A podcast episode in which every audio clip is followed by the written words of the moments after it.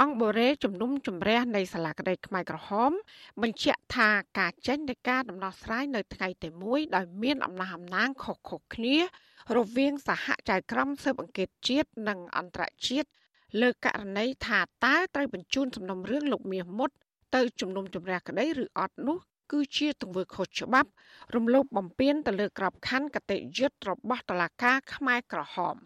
ហេតុនេះអង្គបរិយជំនុំជម្រះបានសម្រេច ថាមិនបើកសវនាការជំនុំជម្រះក្តីសំណុំរឿងលោកមាសមុត និងសម្រេចបិទផ្លូវតាវ៉ាពីខាងចៅក្រមស៊ើបអង្កេតអន្តរជាតិដែលជំរុញឲ្យមានការជំនុំជម្រះក្តី។ចាស៊ីស្រីមិនអាចសុំការឆ្លើយបំភ្លឺពីមេធាវីការពារក្តី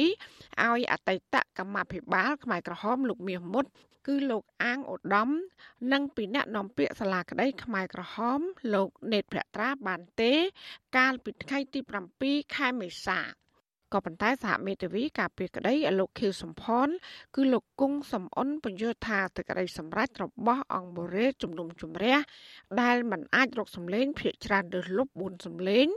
ក្នុងចំណោម7សម្លេងដើម្បីបញ្ជូនទំនុំរឿងលោកមៀមុតទៅជំនុំជម្រះនោះគឺមានន័យថាអ្វីៗនៅដូចដើមដូចមិនទាន់មានការស៊ើបអង្កេតករណីលោកមាសមុតនេះដែរ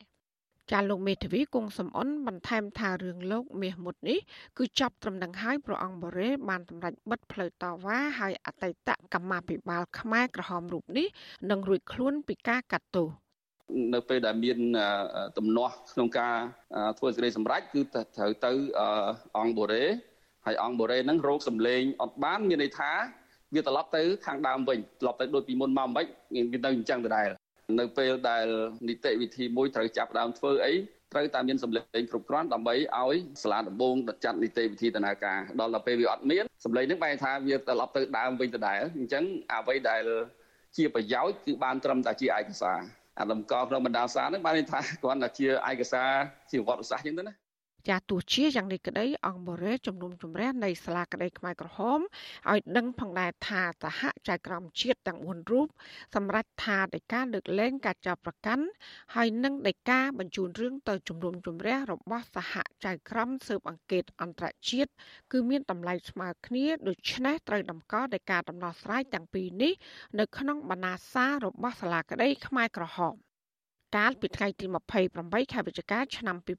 2018សហចៅក្រមស៊ើបអង្កេតអន្តរជាតិបានសម្រេចបញ្ជូនសំណុំរឿងអតីតកម្មាភិបាលខ្មែរក្រហមលោកមាសមុតទៅជំនុំជម្រះដោយលើកជាសំអាងថាមានភស្តុតាងគ្រប់គ្រាន់ដើម្បីបញ្ជាក់ថាលោកមាសមុតស្ថិតនៅក្នុងចំណោមជនដែលទទួលខុសត្រូវខ្ពស់បំផុត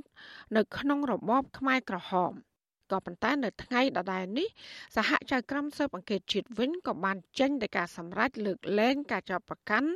ដោយសំអាងហេតុផលថាមាសមុតមិនមែនស្ថិតនៅក្នុងចំណោមមេដឹកនាំជាន់ខ្ពស់ចំពោះបទអក្រិតនៅក្នុងសម័យខ្មែរក្រហមនោះឡើយចាសហចៅក្រមអន្តរជាតិអះអាងថាដីការបស់សហចៅក្រមជាតិនេះដែលលើកលែងការចាប់ប្រកាន់លើលោកមាសមុត គឺចេញមិនត្រឹមត្រូវនិងមិនពេញលេញ ហេតុដូច្នេះអង្គជំនុំជម្រះត្រូវតែទទួលយកសំណុំរឿងនេះទៅចាត់ការបន្តចាននាយករងទទួលបន្ទុកផ្នែកសិទ្ធិមនុស្សនៃអង្គការលីកាដូលោកអំសំអាត មានប្រសាសន៍ថាលោកនិងបរដ្ឋមួយចំនួនសោកស្ដាយហើយនឹងជំរុញឲ្យតឡាការកូនកាត់មួយនេះស្វះស្វែងរកយុត្តិធម៌ជូនដល់ជនរងគ្រោះក្នុងរបបបល័យពូជសាសន៍ខ្មែរក្រហមក៏ប៉ុន្តែបើសិនជា